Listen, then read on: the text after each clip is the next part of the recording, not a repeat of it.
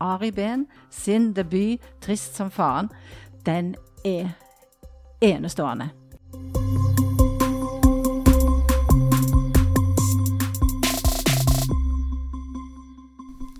Audjorden Åno, velkommen tilbake. Takk for det. Du er Sølvbergets eh, mest brukte litteraturformidler eh, på podkastfronten. Du verden. Ja, jeg tror det. Eh, I dag har du med ei liste til oss eh, som rett og slett er de 20 beste norske bøkene som er skrevet de siste 20 årene. Er det riktig? Det er riktig. Det er jo veldig veldig subjektivt, da. Men, eh, så, så det er disse, de 20 beste bøkene som jeg syns.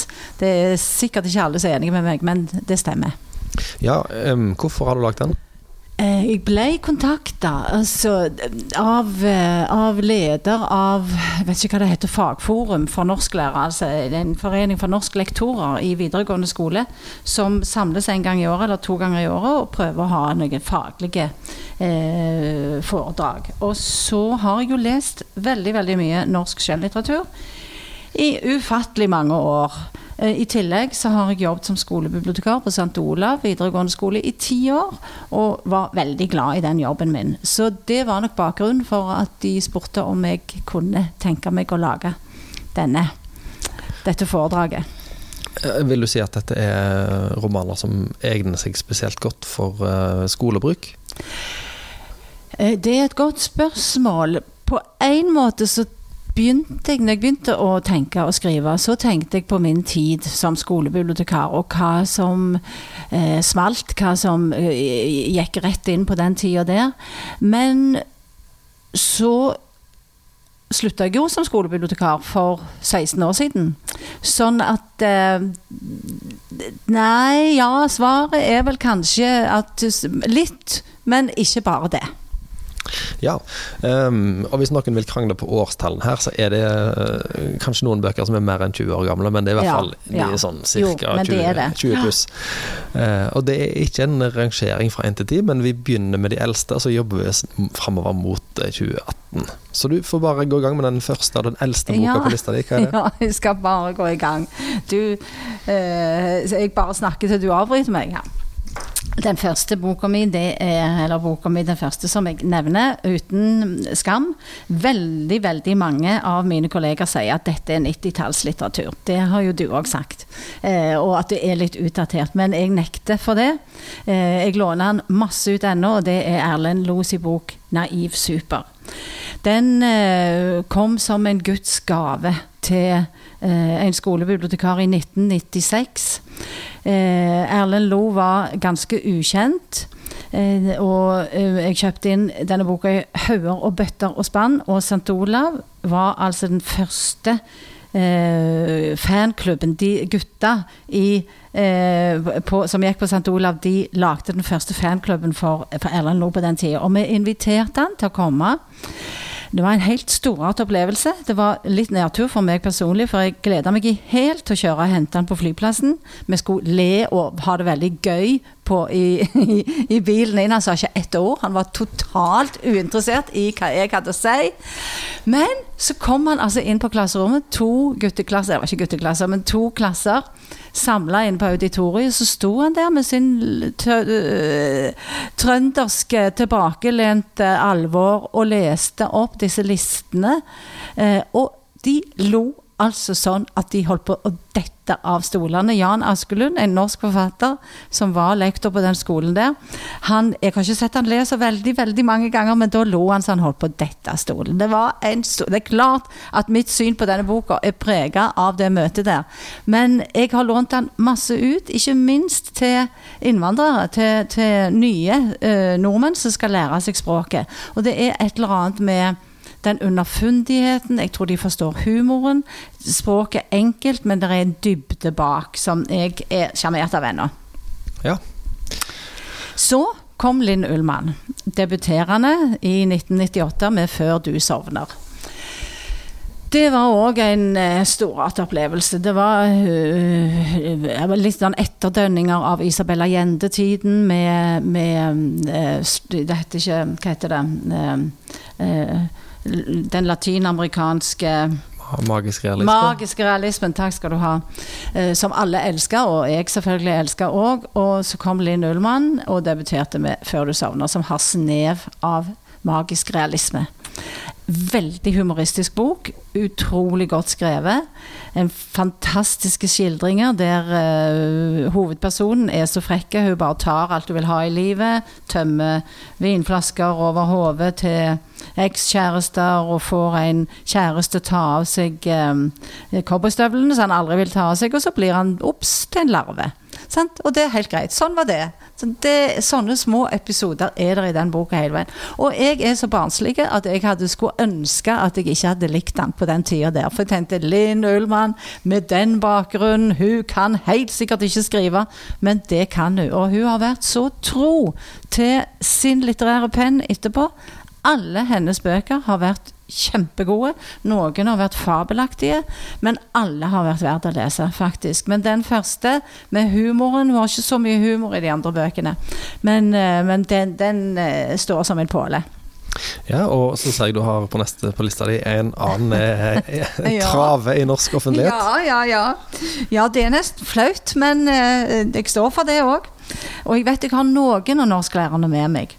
Jannik Krogh, som var, eh, eller jobber fortsatt som norsklektor på St. Olav, hun er veldig enig med meg at Ari Behn sin debut 'Trist som faren', den er enestående.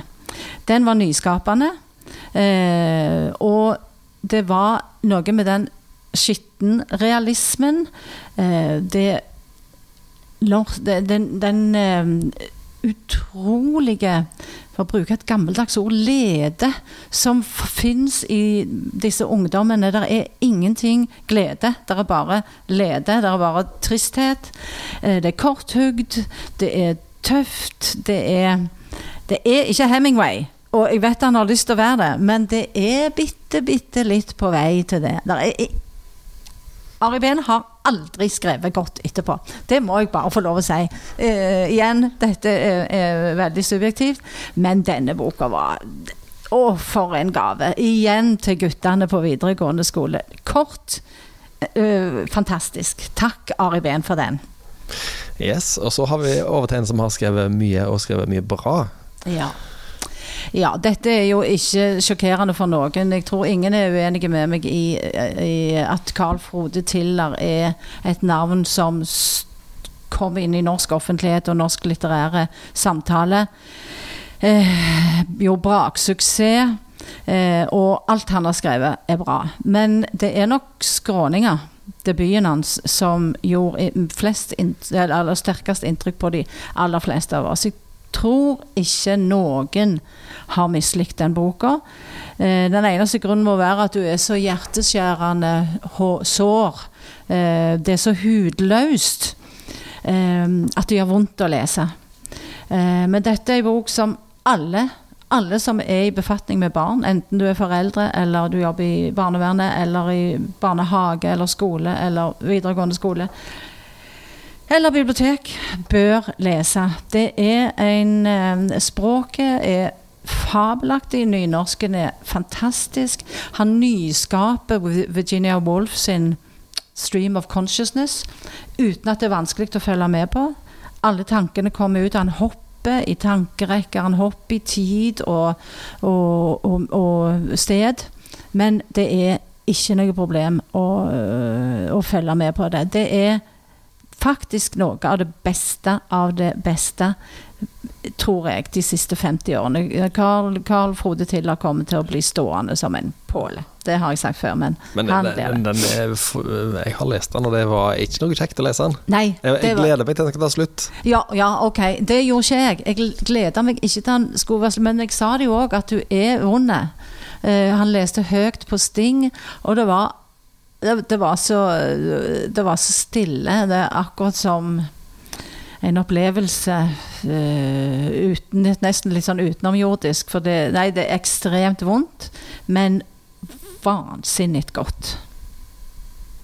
Bøkene som kommer etterpå, er bra. Jeg har lest alle, selvfølgelig. Og begynnelser er bra. Og, og innsirkling 1, 2 og 3 er steinbra, men skråninger tar kaka. Mm. Neste på lista di er kanskje ikke så kjent? Den var ganske kjent når hun kom, men, men den har òg stått seg. Og det er Margaret Skjelbred. Eh, 'Gulldronning, perledronning'.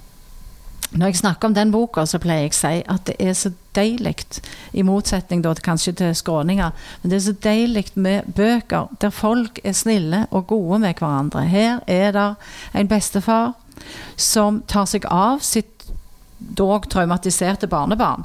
Eh, men vi får aldri vite hva hun har opplevd, og det er på en måte ikke så veldig viktig for den fortellingen. Men bestefaren åpner hele sitt hjerte og hele sitt sinn og hele sin ånd og hele sin kropp, holdt jeg på å si, og tar seg av og forteller. Gjennom eventyrverdenen så forteller han barnebarnet sitt ut av traume. Det er en kjærlighetshistorie som er helt spesiell. Veldig stille, veldig forsiktig. Men vakker, vakker, vakker. Jeg er så glad i den boka. Det tenker av og til hvis jeg noen plasserte meg på en øde øy og sa du må være her i to år, så, så hadde denne vært en av de bøkene jeg Ja, faktisk alle de bøkene jeg snakker om, hadde jeg tatt med meg da. Ja. Eh, eh, du snakket litt i stad om eh, at de første bøkene til en del forfattere gjør inntrykk. Og det er kanskje Det er ikke første boka den vi kommer til nå, men det er den som alle har hørt om. Ah, ja. ja, stemmer det. 'Før jeg brenner ned'. Nei, han Gaute Heivold har skrevet flere romaner og novellesamlinger før det, og han har skrevet veldig mange etterpå. Jeg har vært fan fra arkivet. Uh, har lest alt. Og du har jo hatt samtale med han ja flere ganger. Ja, faktisk to ganger, ja. Det som er så spesielt Jeg har tenkt gjennom hva det er som har gjort og, og det, ha, det, er ikke bare meg, det er ikke bare oss som likte den boka. Hele det norske folk leste jo denne boka. Eh, og jeg har landa på at det er på en måte en begynnelse av virkelighetslitteraturen. Eller det er en annen, mm. annen arm av virkelighetslitteraturen. Ja, du kan bare ta, ta kort handlingen i, i hva, det, går i? Ja, ja, ja. Det handler jo Handlingen er en sann historie fra ei lita bygd eh, ut forbi Kristiansand. Der det er en pyroman som går løs. Eh, og ingen vet hvem det er. Uh, og det, er, det viser seg fort Vi skjønner fort hvem det er. og sånn at uh, Handlingen høres jo veldig dramatisk og samtidig lite dramatisk ut når jeg sier det sånn, men det er fortellerstemmen som gjør det så spesielt. At han, Gaute Heivold han blir på en måte en meddikter. Han tar utgangspunkt i den sanne historien, og så går han inn i hodet på pyromanen. Han går inn i hodet på ikke minst foreldrene, som elsker denne gutten overalt på jord, tror han skal bli noe stort. Og det er en stillferdig sorg og en stillferdig Et stillferdig raseri og en stillferdig fortvilelse, hvis det går an å si, bruke de ordene sammen. Men, men det er sånn jeg oppfatter den boka. Men det er særlig dette med fortellers teknikken. At forfatteren bruker alltid seg sjøl først. Forfatteren sitter i skrivestua og får det ikke til. Ja, det, er vel, det, er vel, den sommeren han blir født, er det ikke det som er jo, settingen her? Jo, jo, jo, stemmer det. Den, det når, ja. når Gaute Heivold er baby, så brennes disse husene ned. Ja, ja, ja, ja, helt riktig. Men det starter med at han, at han sitter og klarer ikke å knekke koden på å komme i gang med en ny historie. Sånn, så reiser han på en forfatter, eh, litteraturfestival et sted, og så finner han tonen. Men, men igjen, det er, det er det stille dramaet. Og, og eh, ensomheten. Den grunnleggende ensomheten i mennesket. Det ble en veldig ja. En, en kan, når vi snakker om det nå, så slår det jo meg at det er en, det er en slags tidlig true crime-sak, ja. ja. som jo alle lager i dag. Ikke sant? Ja, det fins jo podkaster herfra til månen om uh, virkelig kriminalitet. Ja, ja, ja. Men det er akkurat det, det var derfor jeg sa det òg innledningsvis, at det er en litt sånn forløper til virkelighetslitteraturen. Mm. Enten det er crime, eller det er ekteskapet, eller det er Vigdis Hjorth, eller mm. Ja. Mm. mm. ja. Og nå skal det bli mer av samme sorten? Ja. Nå er det på min kamp. Jeg skal ikke si så mye om den. Men jeg, jeg må innrømme, som veldig veldig mange andre øh, mennesker som leser mye bøker, at øh, min kamp av Knausgård er storarta. Det er veldig vanskelig å forklare. Andre har gjort det mye bedre enn meg. Hvorfor det er så bra. For det er klart 40 sider om bleieskift og 20 sider om å åpne ei skapdør og ta ut en kopp kaffe. Hva er det som er så spennende med det? Men det er Knausgård klarer å løfte det hverdagslige. Det er veldig traurige, det er helt ned på ja, trivielle, ikke traurige, men trivielle, til å bli allmenngyldig. Han klarer å løfte sin egen hverdag sånn at han appellerer til oss, og at vi kjenner oss igjen i det. Eh, og klart han henger ut folk, det er det mange som sier, men jeg opplever at hvis han henger ut noen, så er det mest seg sjøl. Det er rørende og vakker litteratur. Han mm. fortjener alt det han mm. får. Det er litt sånn som med, med Ari Behn, at hvis du skal lese Karl Ove Knausgård i dag, så må du liksom gjøre en jobb med å eh, legge bort mediepersonen. Ja, og gå løs på teksten mm. i seg sjøl. Ja. ja, det er helt sant. Ennå Ari Behn kjenner jo ikke sin egen begrensning, for å si det sånn. Mens det syns jeg jo på en måte Knausgård har gjort nå. Han er ganske stille i media for tida. Han han, han er, ikke den som sprenger seg fram. Men det er jo noen som som har, har mediatek, uansett hva de gjør. Jeg husker når uh, Torvald Steen var formann i Forfatterforeningen, så sa jeg alltid det at bare han løfta på albuen, så skrev Dagbladet om det. Sant? Det er noen som har en, et utrolig mediatekke. Mm. Så ja, kommer det til ei bok som jeg er stolt av å oppdage. Uh, og den er ikke en sånn bestselger eller sånn som hele Norge har snakket om. Men dette var i 2010. Eh, og når eh, jeg leste veldig mange kulturfondbøker, altså alle norske uh, forfattere som blir innkjøpt av Kulturrådet og delt ut til bibliotekene. Og så leser du og leser og leser, og leser. Og innimellom disse eh, bøkene som er vanskelig å formidle, så dukker det opp noen perler. Og her var det en perle. Eivind Buene, enmannsorkester.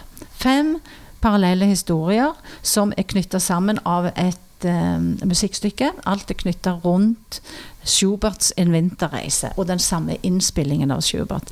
Uh, men, men, menneskene rundt er veldig veldig ulike. Det starter med Tristan, som er en verdenskjent dirigent. Uh, han er i Stavanger, tror jeg. Jeg ble litt usikker på om det er Bergen eller Stavanger, men jeg tror han er i Stavanger skal dirigere SSO. Så av en eller annen grunn så hopper han i vannet og kommer seg opp igjen. Hopper i vannet her på kaien, kommer seg opp igjen. Går klissevåt opp til SSO og dirigerer. Eh, Schubert en vinterreise, ingen sier et ord, og så forsvinner han. Han forsvinner til en bitte, bitte liten brun pub i Bremen eller i Hamburg, eller noe sånt, og så lager han sitt eget enmannsorkester.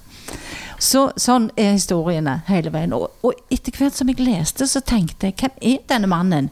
Dette er jo som en symfoni. Dette er jo som, en, som et, et orkesterverk. Og siste kapitlet der er det fem setninger der alle disse personene er knytta sammen. I, I, hver setning så er det en bitte liten sak om, om, alle fem. Så det er som et crescendo. Og dette er helt sant. Jeg ante det ikke. Jeg googla mannen og ser at han er jo faktisk en komponist. Han er samtidskomponist. Så det er et så utrolig vellykka verk at alle som studerer musikk, burde lese den. Nettopp. Og han har jo skrevet mye annet òg som handler om musikk. Ja, han innom. har det. Mm. Jeg har ikke falt sånn, må jeg si, for de andre bøkene hans. Men, eh, men denne eh, Jeg har gitt den i gave til veldig mange. Jeg har gitt den i gave til mine fettere som er organister og musikere og i det hele tatt. Så det, er, det var en veldig, veldig stor og flott opplevelse. Ja. Uh, og så har vi en eh, novellesamling, så vidt jeg kan se. Først er det 'Dager i stillhetens historie', ja. som vant Nordisk råds litteraturpris. Ja. Det er ingen uh, Det er ikke noe stort sjokk at en bibliotekar liker den. Uh, det er Merete Lindstrøm, velfortjent vinner av Nordisk råds litteraturpris. Det er en igjen, en stillferdig, det står det jo i tittelen òg, historie om de store slagene livet gir. Det er et par små eh, passasjer i den boka som ennå kan gi meg frysninger. Det er bare noen sånn stillbilder. Ei ung jente blir gravid, eh, vil adoptere vekk. Eh, foreldrene insisterer på at hun skal prøve å beholde barnet, men hun klarer det ikke. Og så er det én scene der hun kommer hjem fra kino har gått fra barnet alene, og så kikker hun oppi eh, krybba der barnet ligger og sover. Krybba, det heter ikke det. Vogga. Vogga heter det. Ja, ja. Eh, og så ligger barnet spell våken, og når han ser mora, så synker hele kroppen sammen, og så sovner han umiddelbart. Og det er noen sånne små episoder som jeg sier fantastisk godt beskrevet. Så er det jo Denne historien kommer jo tilbake til henne, da. Og til ektemannen, som ikke vet noen ting om det. Vidunderlig flott historie. Så kommer novellesamlingen. Historien om fru Berg. Ingvild Rishøi. Veldig gode. Uh, og igjen, det er mye trist i det norske folk, som jeg pleier å si. Det er mye tragiske historier. Mye ja. sorg og elendighet. Og foreldre som ikke akkurat mishandler, men som uh, ikke tar seg godt nok av barna sine. Neglisjerer barna sine. Mm. Og de novellene handler om det. Det er veldig mange lærere igjen, nå var jeg tilbake til lærerstanden, er ute etter gode, nye noveller. Og hun er en sikker vinner. For noveller skal tolkes, sant? Ja. Det er det de skal ha det til i skolen? Ja. ja. Så det er mye mellom linjene her, sånn som det pleier å være? Ja. Ja, ja. Det er, det er, jo, det er mye mellom linjene, men, men, du skal ikke være så veldig flink. Du, du, må ikke være superanalytiker for å skjønne hva som er mellom linjene. Sånn at ja. det, det, jeg tror det er Men det er godt skrevet, eh, og det appellerer til både voksne og ikke minst til ungdom. Mm. Den neste boka har ei bok som blir lånt ut hele veien. Ja. Som alle skal ha hele tida. Kan du ja. forklare hvorfor?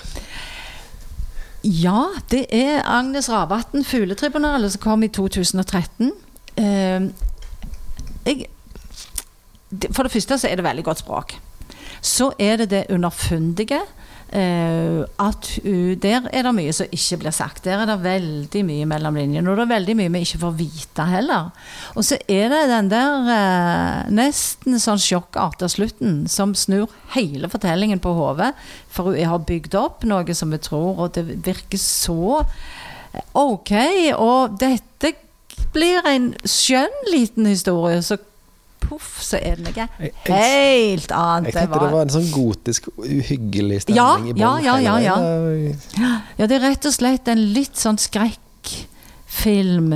Ja. Eh, villmark. Ja. Eller egentlig mindre, mindre dramatisk, for det er, jo, det er jo bare de to. Ja. Men, eh, men ja, ja, kammerspill. Et, et, et, skremmende kammerspill. Og det er jo til og med lagd teater av. Ja, ja. Jeg må få lov å skryte litt. Jeg gikk sammen med mora på, på folkehøyskole for Nettopp. ganske så mange år siden. Ja. Og hun refererer til dattera si og sier at det er jo helt ufattelig, alt det jeg tjener på den boka. Kanskje jeg ikke skulle si det, forresten. og så er det Ja, jeg sa ja, det. Ja. Mm. Mm. Så kommer eh, Mer tristesse, kanskje? Ja, nei. nei. Jeg oppfatter ikke den som det. Eh, det er òg ei bok som alle liker, så det er ikke noe sjokk. Men det er eh, 'Ensomheten i Lydia Ernemanns liv' av Rune Kristiansen. Eh, jeg har alltid lest han, helt fra Steve McQueen. Det er en tittel med Steve McQueen. Veldig veldig mange år siden ga han ut den boka. Ikke debuten, men, men ja, Den er sikkert 20, minst 20 år siden. Jeg har alltid likt fortellerstilen hans, og dette er jeg òg stolt av. For før jeg hadde lest en eneste anmeldelse av ensomheten, så sa jeg til min bror, som òg er en fantastisk flink leser, eh, at dette må du lese. Dette er noe helt spesielt. Det er et språk som slår det meste ned i støvleskaftene. Skaftet. Eh, støvlene. Ned i støvlene. Det kan gå over alle støvleskaft, men det slår ja, ja, ned i støvlene. Det var flaut. Det er sånn skal ikke en, en, en, en bibliotekar som jobber med språk si. Men OK, nå skal jeg ikke si det igjen. Eh, og det er poesi, og det er For meg så er det mye mer å løfte det vanlige livet opp til noe godt og godt nok. Det er det, Livet kan være egentlig veldig ok om du ikke opplever de voldsomt store sorgene, eller den enorme lidenskapen, eller de store reisene rundt i verden. Så for Lydia så er hennes liv godt nok. Mm. Og snakk om å fortelle mellom linjene. Der er ingen altså, det, der er et kapittel som slutter med at Lydia ringer hjem. Og de snakker ikke så mye sammen, verken hun eller foreldrene. Det er ikke så mye de forteller. Men, eller hun er hjemme på besøk, eh, jeg tror det er en påske, og mor er så sliten og, og sover mye og kommer ikke ned til frokost eller sånn. Så så spør da Lydia går det bra. Ja da, det går bra med mor. Alt går fint. Og så ringer hun oftere enn hun pleier hjem og spør hvordan det går med mor. Jo da, det ser ut som det går bra. Og så begynner neste kapittel. Etter begravelsen, så, og mellom den siste setningen der og første setningen i neste kapittel, så er det et hav av fortelling. Det er så genialt gjort. Nei, jeg elsker Rune Kristiansen. Ja. Og den som kom i år òg, er veldig god. Fanny og den mystiske skogen, var det ikke det? Og den Ja, veldig god den òg, men ingenting slår Lydia. Ja. Og så skal vi over i eh, to bøker på rappen som har veldig eh, folkelige titler. Ja. Mm, velkommen til oss av, eh, av Evjemo uh, Hofseth Evjemo. Og er ilden lys over land av Nils Henrik Smith. Evjemo er trønder, og, og Smith er jo fra Bryne. Eh, skriver veldig fint nynorsk. De to er relativt unge menn. De kom i 2014 begge to. 'Velkommen til oss' er òg en hverdagshistorie om adopsjon. Eh, og om manglende, mul eh, manglende evne til å knytte seg til hverandre. Eh, om eh, et sånn livs Der er det mer tristesse, syns jeg. Der ligger en, en jevn tristesse over eh, det ekteparet eh, i 'Velkommen til oss'. Og i tillegg så har han fletta inn på en veldig respektfull måte eh, 22.07. Det er en sånn bakgrunnshistorie. Naboen har mista ei datter i denne grusomme terrorhandlingen. Og det er, det er veldig vart og veldig vakkert skrevet inn som ikke, ikke i nærheten av noe sånt som underholdningsting, men, men eh, ja, han har fått det skikkelig godt til. Han tror jeg kommer til å bli en, en enda større forfatter enn det han er nå. Og Nils Henrik Smith, det er òg det samme. Det er òg eh, manglende tilknytningsevne. Eh, starte med en eh, voksen, godt voksen mann akkurat på min alder, i slutten av 50, begynnelsen av 60-åra, som eh, reiser av en eller annen grunn til eh, Russland. Og så får vi hans historie, hvorfor han gjør det. Han sto på Lillehammer, det er derfor det heter 'La ilden lyse over jord'. Derfra den OL-sangen? Ja. ja, ja. Mm -hmm. det er sangen. Eh, og var gift, hadde tre barn. Den yngste, det yngste barnet var multihandikappa. Og veldig ofte, flere ganger i året, så ble det siste barnet eh, lagt inn akutt på sykehuset og var døden nær.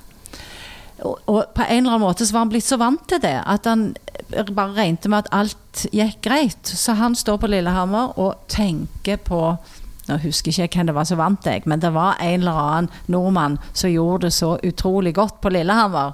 Om det var skøyteløp, eller om det var hopp, eller ja, se hva jeg kan. Men ja, Bjørn Dæhlie eller noe sånt. Så får han en telefon om at dattera igjen ligger innlagt på sykehuset, og det er akutt. Og så i drosjen til sykehuset så tenker han på Bjørn Dæhlie, og ikke på barnet. Og så dør barnet. Og så setter det i gang en sånn kjempe kjempedårlig samvittighet ja. som fører til at han mister kontakt med ekskona, han blir skilt, mister kontakt med henne og med barna sine. De andre barna. Men han jobber med saken, for å si det sånn. Ja.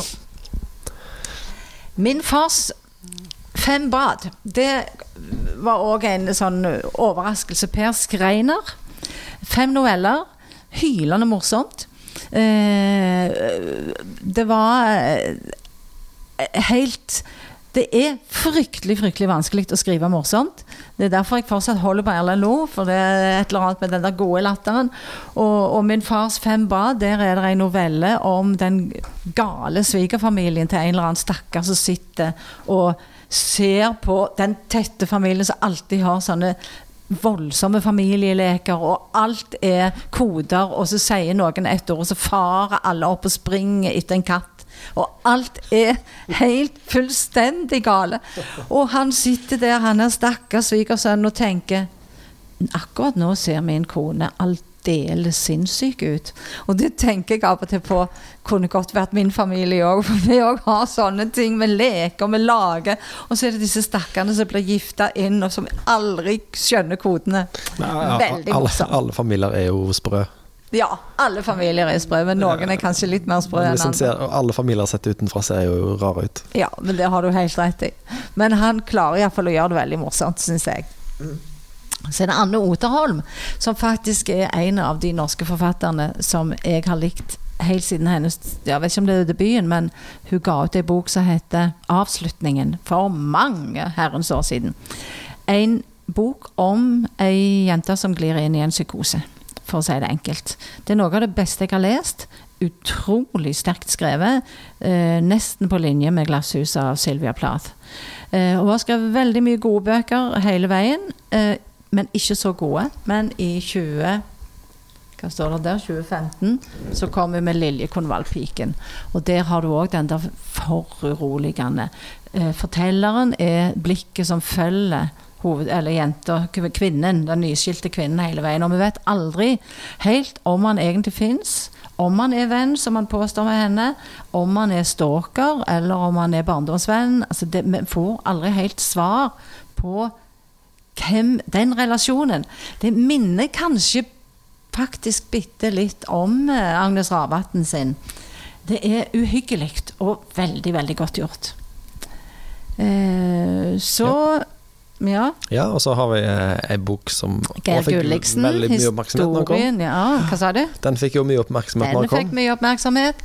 Uh, og igjen en av disse virkelighetshistoriene som uh, ingen av oss som ikke kjenner han, hadde visst. Hvis ikke kona gikk ut og fortalte at dette er altså meg.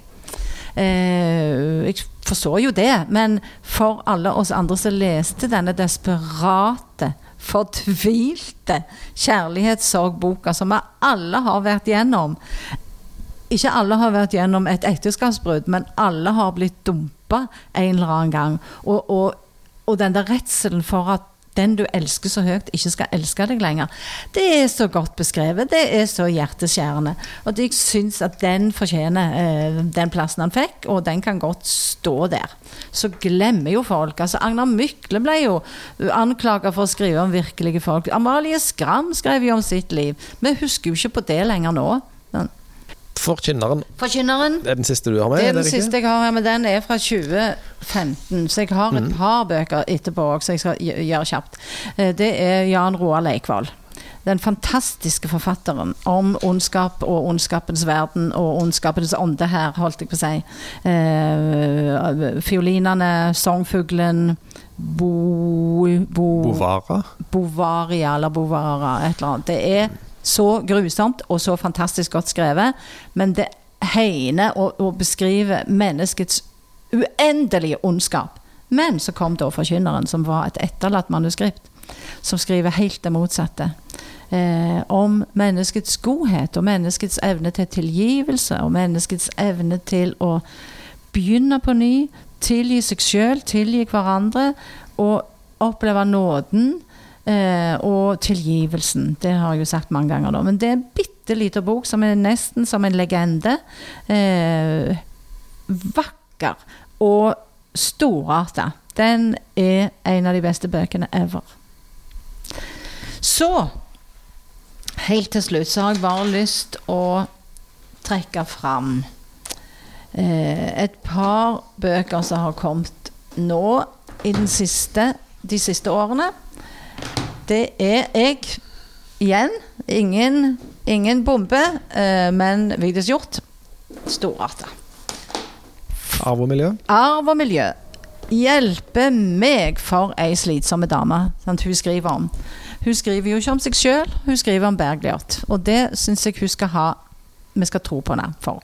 Men boka er bare fantastisk god. Det er familierelasjoner. Alle kjenner den boka, men det er et eller annet Det som slo meg aller meste var den der hvor anmassende og hvor slitsomt det må være å være Bergljot og være sammen med Bergljot. Og det skriver jo òg. Det er ingen som orker meg lenger. Det er bare han gamle vennen som orker å høre igjen igjen. Ingen andre orker det. Det er vanvittig. Det er ikke gjenkjennelig, men det er veldig bra. Som du nettopp sa, alle familier er galne. og noen er mer galne enn andre. Nei, det er, det er veldig bra litteratur. Vigdis Hjorth er en stor forfatter, rett og slett. Så helt til slutt så vil jeg bare si Torkel Damhaug. Han er kriminalforfatter. Han skriver veldig gode kriminalbøker som han er, Jeg tror, jeg mener jeg har lest han utdannet sosionom, og det kan du nesten lese. Jeg pleier å si det, at uh, det er ofte kriminallitteraturen som tar opp uh, samfunnsproblemer nå for tida. Det er ikke alle som gjør det like godt, og noen skriver jo over alle støvleskafter og beskriver mer enn de må på alle mulige slags overgrep. Men Torkel Damhaug, det er inntil margen bra. Glasshjerte. Det tar opp um, psykiatri, det tar opp utenforskap, det tar opp uh, det å føle seg helt alene. Det tar opp gryende kjærlighet. Tar opp uh, ja, galskap. Uh, og òg omsorgsfulle folk, altså både politi, men òg andre rundt disse personene, som viser omsorg og forstår mye mer. Det er veldig mye mer enn krim. Han kan leses alt. Så vår bibliotekar fra Bergen, Erlend Nødtvedt. Har du lest den, du? Jeg har begynt på den. Jeg syns dette var igjen veldig, veldig, veldig morsomt. Han er Du må, du må si tittelen òg. Han heter Vestlandet. Og det handler om to unge menn fra Vestlandet som elsker da alt som har med Vestlandet å gjøre. Og alle forfattere som kommer fra Vestlandet. Eh, og eh, reiser rundt og besøker Jon Fosse, besøker eh, Einar Økland. Og de hater alt som er øst for Haukeli, er det vel omtrent de sier. Det er altså så aldeles over the top og veldig, veldig morsomt. Han hadde aldri lest hvis, hvis, ikke han var på kapittel og satt på samme bord som meg en kveld vi spiste middag. Men det 'Vestlandet' var en, et lite under av ei bok, syns jeg. Og når jeg nå har sagt det, så må jeg jo ikke glemme Jon Fosse. Det er jo skam å ikke nevne han. 'Morgen og kveld', Jon Fosse, kom i år 2000. En av de fineste bøkene som er skrevet om fødsel og om død. Og jeg pleier alltid å si at det er den eneste boka jeg leste ut. Satte meg til igjen og hentet en ny kopp kaffe og begynte å lese om igjen. Rett etter hverandre. Den leste jeg to ganger på rad på samme, i samme helg. Det var uh, aldeles veldig bra. Veldig flott. Da skal jeg gjøre en opptelling og se om dette er 20. Og så uh, takker jeg for at du kom.